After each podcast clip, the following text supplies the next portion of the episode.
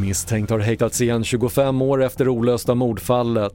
Polisen startar nationellt skjutvapencenter med Tullverket. Socialdemokraternas stora vinnare i SCBs stora sympatiundersökning och efter 70 år på tronen firas drottning Elizabeth med parad i London. TV4-nyheterna börjar med att mordet på 16-åriga Malin Lindström som försvann under ett besök i Husum 1996 får en ny prövning efter 25 år.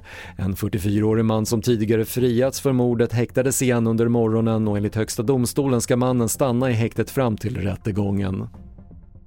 Efter senaste tidens skjutningar och växande problem med vapenbrott startar polisen nu ett nationellt skjutvapencenter tillsammans med Tullverket.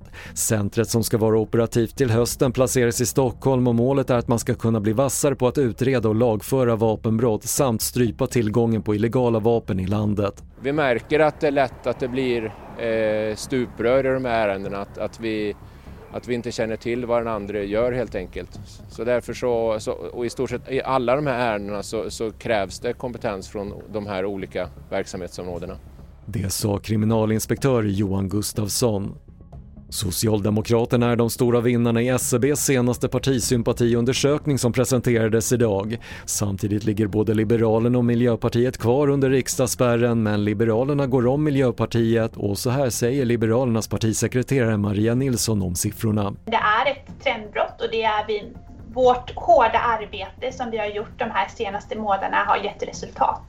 Jag är övertygad om att vi kommer att klara av detta. Vi kommer att göra det här tillsammans. Och vi avslutar i Storbritannien där firandet av drottning Elizabeths 70 år på tronen inleds idag med en parad i London och många har slagit upp tält utanför Buckingham Palace i hopp om att få se en skymt av drottningen.